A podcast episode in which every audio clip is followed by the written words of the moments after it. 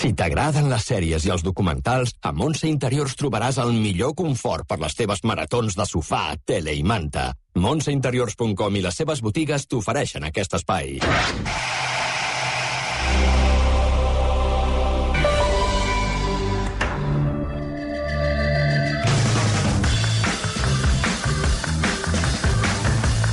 Doncs ja tornem a ser amb vosaltres, última hora del, eh, del programa. Avui ho fem com cada dimarts amb Mònica Planes. Mònica, bona tarda. Molt bona tarda. Benvinguda. Bé, divendres farà un any de la invasió de Rússia a Ucraïna, però diguéssim que eh, Vladimir Putin ja ve fent de les seves des de fa molts anys i no és d'ara, ni de fa cinc anys, ni de la eh, primavera àrab, que per cert en vàrem parlar aquí amb el Marc Marginedes i va deixar moltes preguntes sense respondre sí. que ens va emplaçar al seu llibre, vinculant la primavera àrab, la revol, les diferents, el que va ser l'estat islàmic i Rússia. Marc Marginedes està treballant sobre aquest llibre i no va voler avançar res més. I dit això, avui amb Mònica Planes ens remuntarem fins al novembre del 2006. Què hi va passar? Doncs que va morir un exespia rus a Londres, enverinat per Poloni 210. Jo estava pensant com podíem parlar de Putin i llavors vaig associar Putin a un viatge que vas fer tu. I a partir d'aquí va sortir Litvinenko, eh? perquè vegis una mica com he anat uh, quadrant les coses. La contaminació d'aquell element radioactiu va provocar un greu problema de salut pública a la ciutat de Londres. Per tant, teníem un assassinat, terrorisme d'estat, en el cor de Londres. de Londres i, a més a més, uh, un problema de salut pública amb radioactivitat en, al centre de Londres on es podien veure afectades moltes persones. Aquest documental, Litvinenko, el asesinato del espía ruso... No és la sèrie, Correcte, important, això. no és la sèrie. La sèrie es diu Litvinenko a seques i també la trobareu a Movistar Plus. De fet, aquest documental i la sèrie estan connectats. L'ha fet la mateixa plataforma i Uh, crec que és una bona manera de combinar les dues històries. La sèrie, que la, la protagonitza David Tennant, fent de Litvinenko, uh, descobrireu més detalls i sobretot la part més humana que hi ha darrere d'aquest assassinat. I d'altra banda, Litvinenko i l'assassinato de l'espia russo és un reportatge sobre com eh, es va investigar el cas. Per una banda, a la, qui havia enverinat a Litvinenko i, diguem, qui havia al darrere d'aquell encàrrec, i, per altra banda, com es va actuar davant d'aquell problema, d'aquella alarma, que era un problema de salut pública a Londres. Um, D'entrada expliquem, en el, ens expliquen el reportatge qui era Litvinenko. Litvinenko era un ruso con trasfondo. Trabajó para el FSB, la agencia sucesora del KGB, y había huido de Vladimir Putin. Tuvo problemas con sus jefes del FSB, a los que acusó de aceptar sobornos, dinero de la droga y corrupción. En el año 2000, Litvinenko huyó de Rusia y pidió asilo en Gran Bretaña. Litvinenko cambió Moscú por una vida en el norte de Londres, con su esposa Marina y su hijo entonces pequeño Anatoly, o Anthony, como se le conoció. Ah, Aquí hi ha una, una dada que passa com desapercebuda, però ja, ja et dona a entendre eh, les maneres de fer de Vladimir Putin, que és que els serveis secrets Litvinenko decideix tocar el dos, marxar, perquè parlen de... Ja, ell detecta i denuncia corrupció, drogues i eh, diferents eh, negocis tèrbols dels serveis secrets russos. Uh -huh. Exacte. El documental es diu en, en eh, la versió original de Mayfair Poisoning, és a dir, l'enverinament de Mayfair. Mayfair és el barri, eh, és un dels barris de Londres, eh, molt famós, de prestigi, molt concorregut. Eh, és una zona cara, va, diguem, des de Bond Street fins a Regent Street i d'Oxford Street fins a Piccadilly. És una zona comercial, moltes oficines, seus de grans corporacions, moltes ambaixades, hi ha el consulat dels Estats Units, Nosaltres només coneixem Wembley, que és on vam estar, a, a, a, quan vam guanyar la Champions. Val, doncs eh, aquí també hi ha botigues de grans marques, hotels de luxe, molts restaurants. És el barri on va néixer, per exemple, la reina Elisabet II. Fixa't. Per tant, és un barri, diguem, de, de prestigi. Bo, bo. Uh, Litvinenko va recórrer aquesta zona, està, uh, està reorganitzant la seva manera de viure un cop s'ha instal·lat a Londres, buscant noves maneres de guanyar-se la vida, uh, té diverses reunions amb diferents uh, persones per continuar subsistint. Un dia arriba a casa, després de diverses reunions, i es troba molt malament. Comença a vomitar uh, i diguem que es troba tan malament que immediatament la seva dona l'ingressa en un hospital.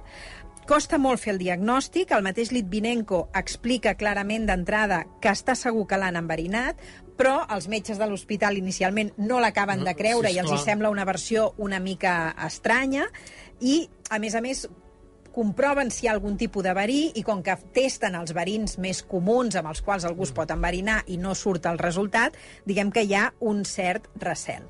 A partir d'aquí, i això es veu més en la sèrie que en, la, en el documental, ell eh, rep l'ajuda d'un amic seu rus que parla amb els metges i allò comença a agafar una certa dimensió, sobretot quan intervé la policia i la policia entrevista Litvinenko, que està greu però encara pot comunicar-se, i els explica, diu, vull denunciar un assassinat, i diu, l'assassinat d'aquí, diu, el meu assassinat.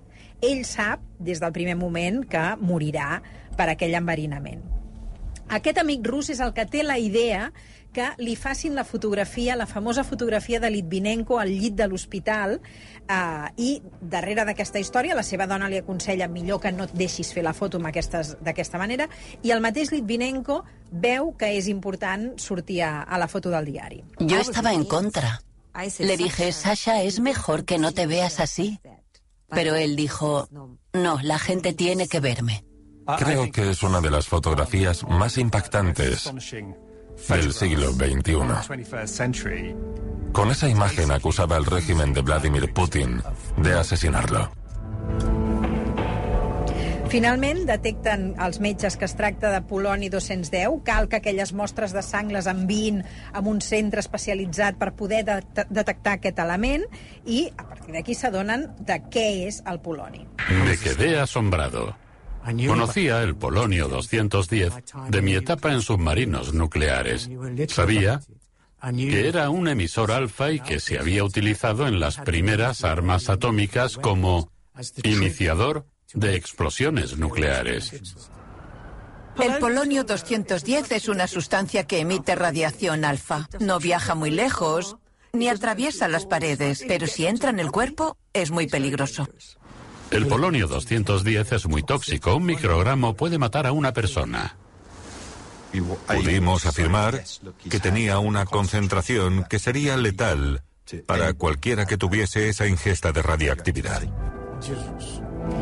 Litvinenko, al cap d'uns dies, mor i les, les autoritats prenen consciència de la gravetat del problema. És un atac nuclear de Moscou al cor de Londres que acaba amb un assassinat, un enverinament per aquest, polom, per aquest poloni és símptoma de rastre de radioactivitat. Exacte. Cal seguir el rastre d'aquesta contaminació perquè és molt fàcil que s'hagi pogut i hi hagi més gent implicada. Exacte. I hi ha una dificultat afegida, que has d'actuar de pressa, però no pots sembrar el pànic a la ciutat. Alexander Litvinenko hizo una declaración asombrosa en el lecho de muerte. Acusó del ataque mortal a Vladimir Putin. Puede tener éxito en silenciar a un hombre, pero los gritos de protestas por todo el mundo van a resonar, señor Putin, en sus oídos el resto de su vida. El problema era que no se trataba solo de un enemigo de Putin al que habían envenenado y asesinado en circunstancias dramáticas. Era además una importante crisis de salud pública. I ara cal veure què és prioritari? La investigació d'un assassinat, terrorisme d'estat a l'estranger, o és la investigació d'un problema de salut pública? De Deixa'm dir que uh, Litvinenko, dues setmanes abans, aquestes, uh, de, aquestes declaracions que fa Litvinenko, uh, dues setmanes abans, quan es va assassinar la periodista Anna uh -huh. Politkovskaya, ell ja assenyala a Vladimir Putin com l'executor de la periodista que denunciava tota la corrupció de Rússia. I eh, un dels, eh, dels membres dels serveis secrets russos li va confirmar que hi havia una llista uh -huh. eh, confeccionada per Vladimir Putin i els seus on anaven tatxant un rere l'altre tots els, eh, tots els noms que havia de, havien d'eliminar I el primer, la primera de la llista era Anna Politoskaya, i el segon era uh, Litvinenko. Exacte. Aquest home que té aquesta llista és Escaramela, era amic seu, de fet tenien una lluita conjunta contra Putin o contra el règim de, de Putin, i amb aquesta persona Litvinenko s'hi reuneix el mateix dia que es troba malament. Al restaurant famós, restaurant japonès, Aquest. que eh, primer es donava com l'origen de la intoxicació de Litvinenko. Itsu, un restaurant sí, a Piccadilly sí. de, de menjar japonès. Sí, sí. El que, anàvem, el que dèiem, Ui, la investigació... Què, què és... Poloni? Poloni? Poloni? Cailà? Embaranat. Poloni. Una mica de pico. És unes pastilles, no, unes ja, pastilles ja, que... Diguéssim, ja el vaig estar, de prop, no cal que me'l passis més. Bueno, sí. És la suggestió, és la suggestió. No, bueno, ja la veig que... Són tots aquests quan temes com... i m'estan entrant picó. Sí, ja, ja, ja, comences amb aquestes tosses, ja ja posa de tremolar. Vols un esmin? No, no Vinga, va, continuem. No sigui que m'enverinis.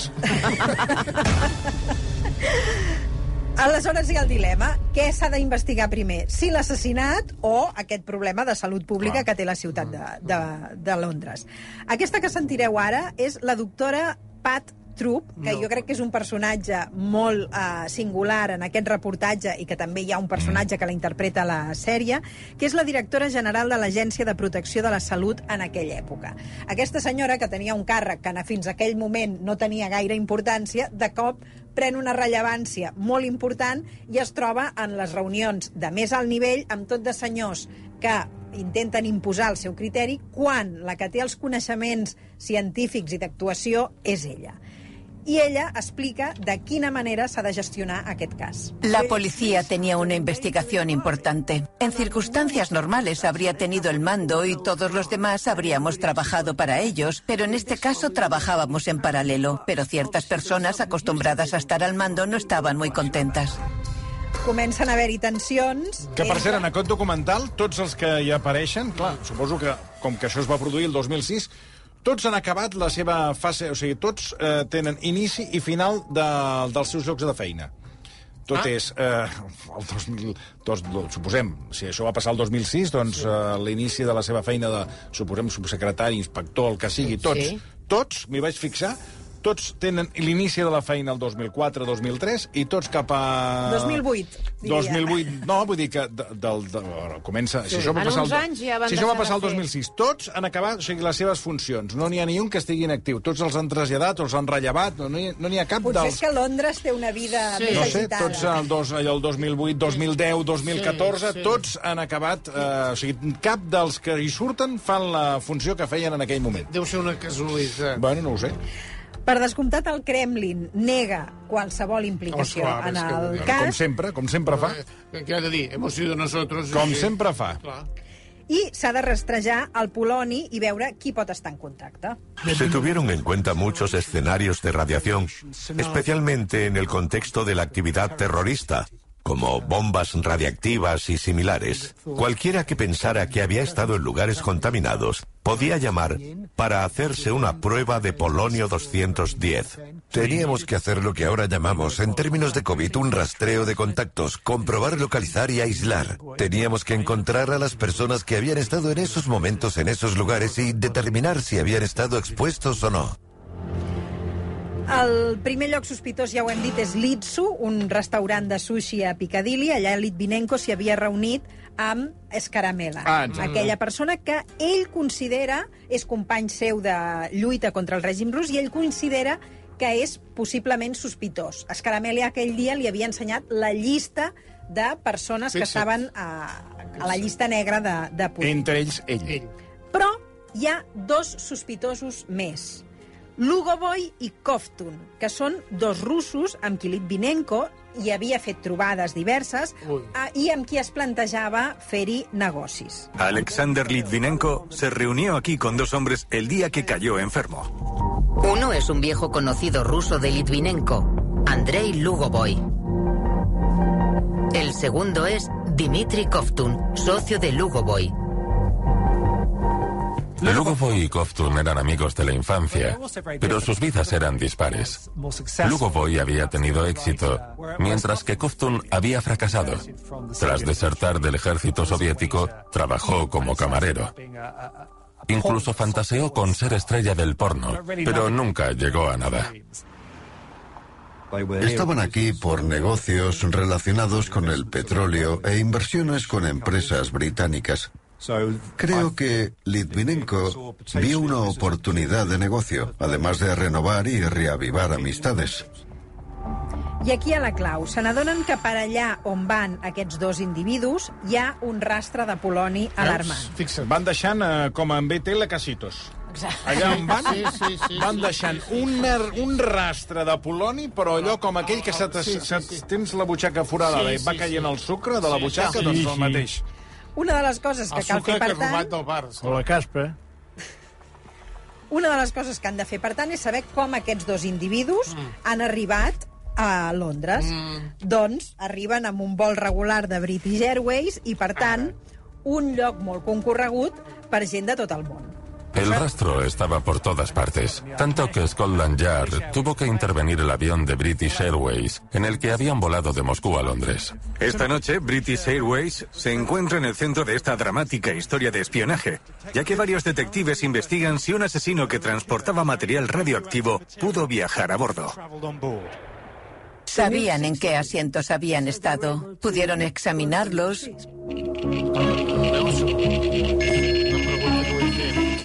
Aquí amb això de l'avió... Moment que no ha acabat. Contamination on seat 23D. 23D was uh, logo boy. No s'entiende nada, no? Oiga? No se- no s'entén res. Bueno, perquè vostè ja ha parat a sobre. Detecten, detecten que el, 20, el seient 23D Sí. és el que està contaminat amb poloni. I llavors diuen, quin passatger Clar. ha assegut aquí? El 23D? Lugo Boy. I, eh, conforme. I després no surt el clapés?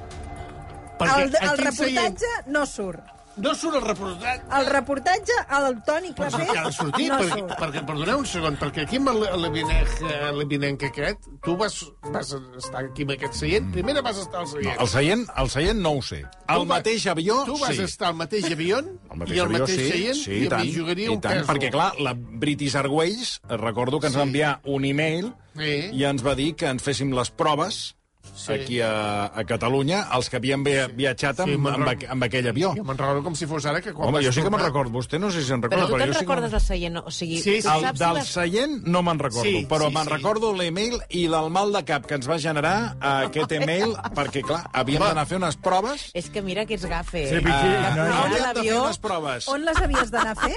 Ah, bueno, aquesta va ser una altra. És que, re, eh, perquè aquest Sí, matí... sí. Eh, La veritat. No sé, record, em sembla que en Marta Cailau Sí, estava recordant. Sí, sí. Em van enviar l'email. Sí. El primer que vaig fer va, ser trucar, va trucar el, perquè eren unes proves concretes per veure si tu tenies... El poloni. eh, Poloni al cul. poloni o tenies, eh, diguéssim, rastre nuclear. Ah, exacte, Eh? exacte. Vaig trucar al CAP. El CAP, evidentment, i amb tota la raó, no sabia de què, de què, de què els hi parlava. O sigui, era com si els hi estigués parlant de la nova composició del, dels meteorits que hi ha a Mart. O sigui, no sabien absolutament res. Hasta van tocar escó. I després vaig trucar al doctor Pedrós, Sí. president del Col·legi de Metges de, de Barcelona, i que en aquell moment eh, jo estava, treballava a Catalunya Ràdio i era el metge de Catalunya Sí, Ràdio. I li vaig dir, escolta, em passa això, i em va dir, ui, eh, ja t'ho ja t'ho esbrino. No li va donar massa importància, les coses com són, coses que fan els metges, va, això, tranquil. I aleshores em va dir, només hi ha un laboratori a Catalunya que ho fa, Sí.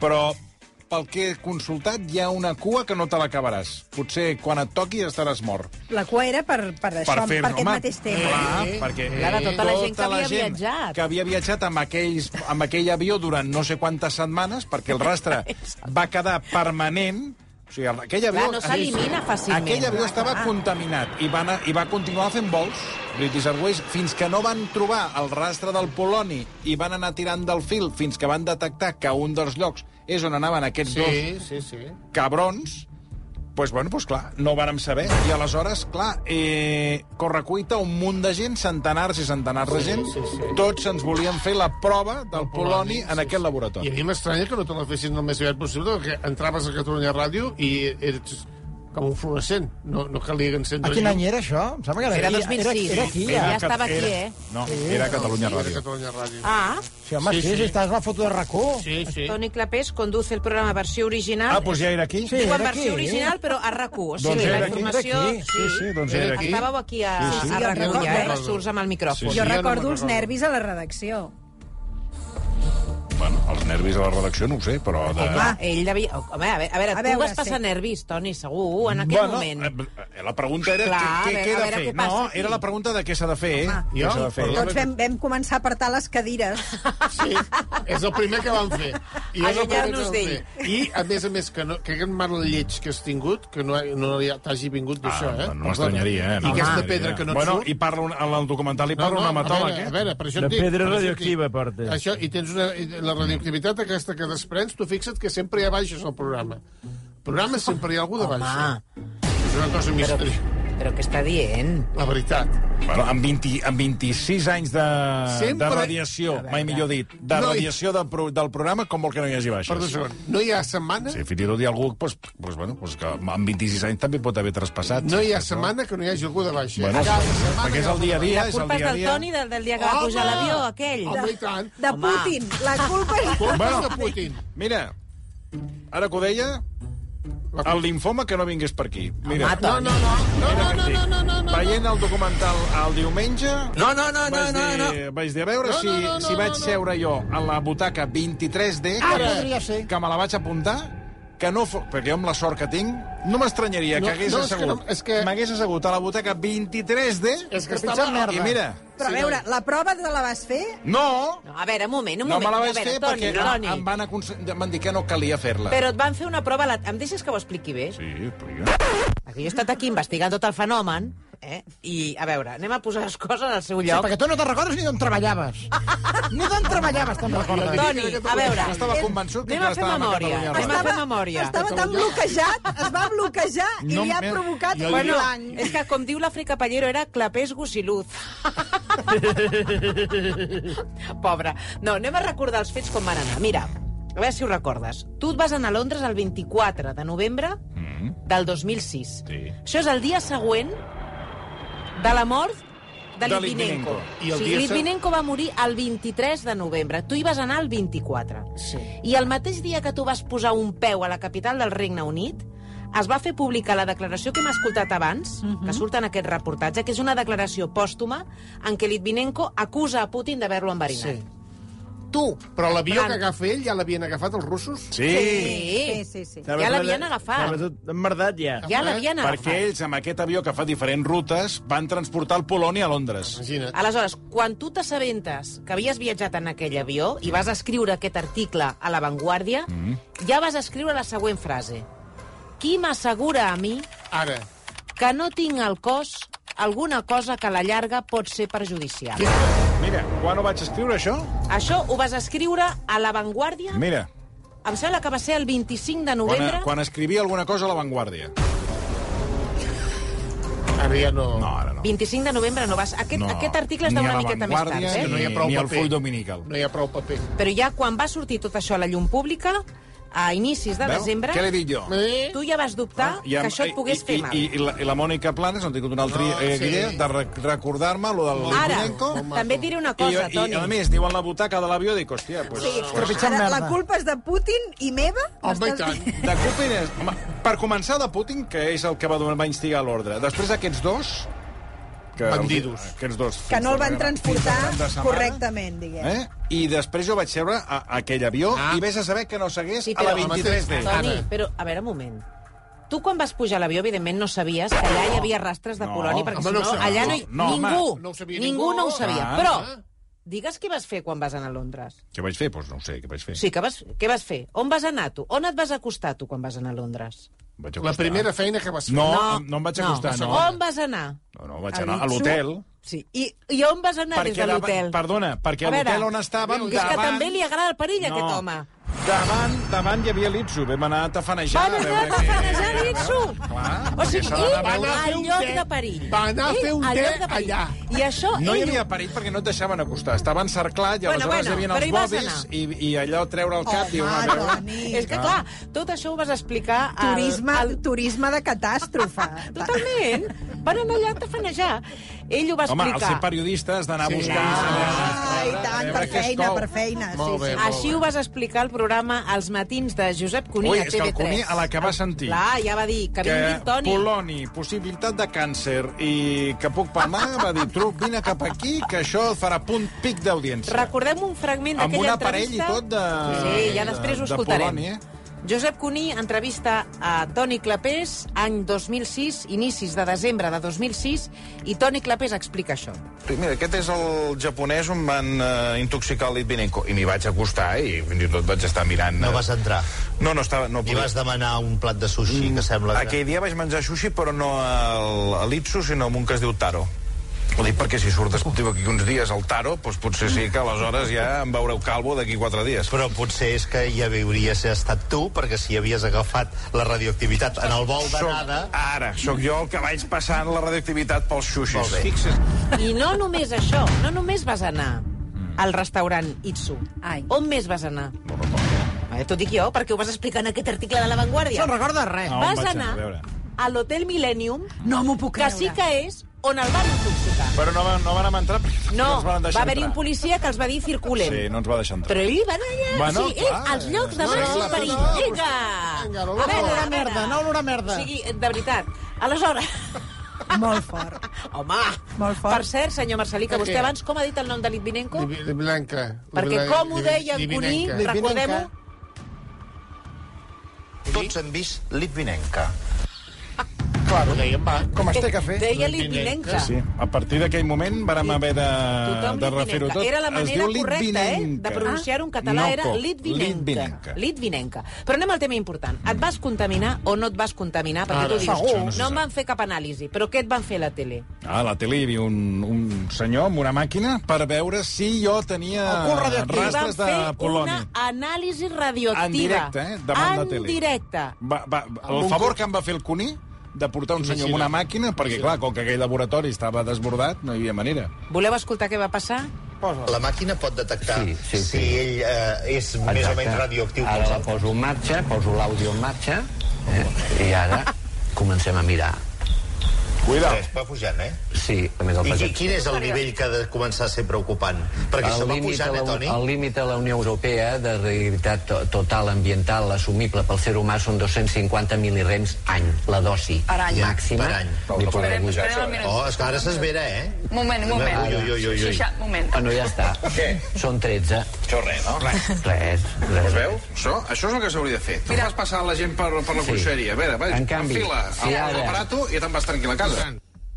Ah, ho vau veure o no? Re, o sigui, tota aquesta... Jo vaig tenir la sort d'anar a Cal Cuní a que em fessin la, que em posessin la prova. i, poc. Molt bé. escolta, Per tant, i, i ja que, saps Però que no estaves irradiat. Bueno, però Bueno. per dins... Res del que... O Però sigui, per a dins no ho sabem. Ara vés a saber si la prova aquesta va ser Home. molt fiable. el vas donar 14, que va dir aquell home, que era, això era una porqueria, no, però eh? per fora, per fora, per dins les no proves sabem. eren més serioses. O que Eh? vas llepar l'assiento de l'avió. que és l'única manera de... No ho sabem. A veure, perquè tu quan vas anar, Toni, quan vas anar a l'hotel, vas fer alguna en aquest hotel? A quin hotel? El de Londres... Uh, On es va contaminar. On, on es va contaminar. No, no, vam, no, vàrem No el van deixar entrar. passar. Vas demanar un got d'aigua de l'aixeta, per exemple? No, no, no. Perquè escoltem què va passar quan van rastrejar a l'hotel a Londres, quan van saber que aquests dos personatges eh, van anar, van, es van, eh, van passar unes nits allà. Si observamos la puerta principal, podemos ver claramente que el tirador de la puerta estaba contaminado. Una vez dentro, se ve claramente los objetos que tocó. Hay polonio en el teléfono porque debió hacer alguna llamada. Hay en las cortinas, ya que seguramente las corrió y descorrió cuando se acostó y se levantó al día siguiente.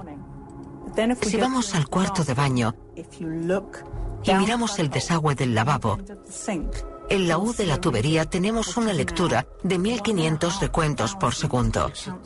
Eso no pudo haber salido de sus manos. Nuestra teoría es que vertieron el polonio 210 por ese lavabo.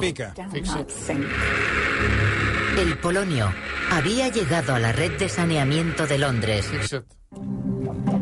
No vas demanar aigua de l'aixeta. Ni... No, bueno, no... No, No, no va poder jo, entrar, jo crec eh? que no. No et van deixar entrar. No, no m'han deixat. Aquell dia a l'hotel, afortunadament. Bueno, Ara que t'has muntat tot i els Ja dos- anava cap allà. Dos, dos eh, podríem dir, dos assassins de Litvinenko eh, amb molt maldestres, és a dir, molt... Som uns Sí, xapuceros. A Portar em poloni, sorprèn- anar deixant restes de poloni per tot arreu. Ho van intentar tres cops amb Litvinenko perquè no se'n van sortir i, i que després llancessin el poloni per la pica. Sí, sí. Home, dius, eh, molt professionals no són. No me'ls hi va sobrar. Un d'ells és mort. Sí, pel, teòricament, Pel pel Covid. Covid. Ara, el que em va agradar del documental, Mònica, és quan, que ara no sé si ho, ho, ho, ens ho explicaràs, quan els eh, anglesos van, fer el, van seguir la investigació i van anar a entrevistar-se a Moscou amb un d'ells. Fantàstic. Uh, envien els investigadors a Moscou, Moscou accepta que vinguin Que vengan, que per vengan. entrevistar-se amb els dos sospitosos. I es troben que uh, Koftun, em sembla que és, és el que està a l'hospital com una mòmia. Per tant, no saben ni si és Koftun, perquè Està, està... està embanat, embanat. de dalt a baix com una mòmia, amb un llit. És sensacional. amb un llit d'hospital i que parlin amb aquell Sí. senyor que està allà. Que... Els hi donen 10 Però per minuts què? Per què està aquest home embanat? perquè ha patit un accident i que els hi donen 10 minuts per parlar amb ell. I aleshores ell està tot embanat, tot, tot... Que no tot, es veu si és aquella No es veu persona res. que havíem vist a les de fotos. dalt a baix. Està com una mòmia allà, o sigui, com, com, bueno, com, com un dibuix de... Com un, com un dibuix d'Ibáñez del mateix. Allà el tio està allà i comença l'interrogatori. I el, el, amb prou feines els hi diu res, no parla. I no saben si és ell, perquè, clar, Clar, un tio no- tot, no el tot veuen. Per tant, no poden fer res. Es passen 10 minuts en una, en una habitació d'hospital amb una mòmia i marxen. I ell només, es veu que només anava fent... Eh, eh, perquè no parlava. Després, Lugo, Lugo Boy els rep, els hi diu que em sap que el els hi contesta només en monosíl·labs, ells demanen permís per gravar-ho amb una cinta de caset, Mm. que també dius, a veure, els de Londres en aquell moment Cinta ja de caset, eh? existien coses com més uh, Modernes. elaborades. Des 2006, doncs, eh? amb una cinta de Atenció. caset uh, el posen en marxa i quan arriben a Londres... No ens comproven un cop allò que surts i dius, a veure si allò que fan No, ho els donen periodistes, per descomptat. Allò de, a veure si s'ha gravat, a veure si s'ha gravat. Ai. arriben a Londres, això ens ha passat a tots, hem de dir, tots els que som Sí. periodistes... Ah, però ah, alguna quan arribes vegada- a la redacció, que està més a prop. Sí, quan arriben a Londres, posen la cinta i no hi ha res gravat. Perquè els hi van fer una... Barrido magnético. Quina cutrada. Exacte, els, els, els, els van fer Les- com... els devien esborrar. No, com una interferència que no va poder gravar res a, a, a, durant la cinta del caset. Per tant, aquelles Aquestes dues són les proves que van tenir el, la policia britànica. absolutament uh, inútils. Aquest és el, el, el drama. Um, Koftun uh, és I ells, mort. perdoneu, ells no s'intoxiquen? Aquí està, la, aquí està. Perquè jo no ho entenc, que Bueno, aquests un homes és mort, un és mort. Un escampant és mort. poloni per tot arreu i ells què? Un és mort i Sí, diuen... però s'ha mort, ha mort de Covid, A dieu. veure, diuen... A veure... Ha viscut molts Sí, anys. home, clar, no Són diran que s'ha mort del, del Poloni, perquè russes. aleshores, clar, tu ets rus. fonts russes diuen que s'ha mort d'una malaltia relacionada amb el Covid.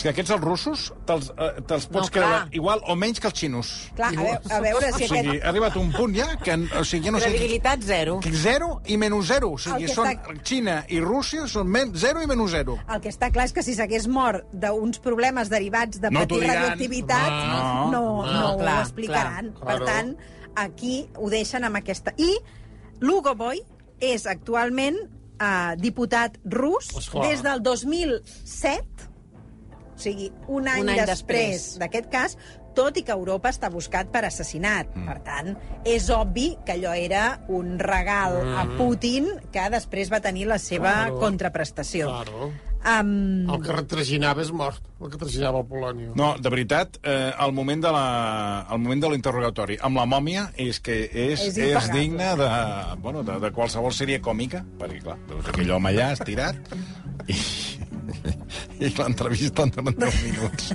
i ell no diu res perquè està immòbil Que i no se li veu la cara.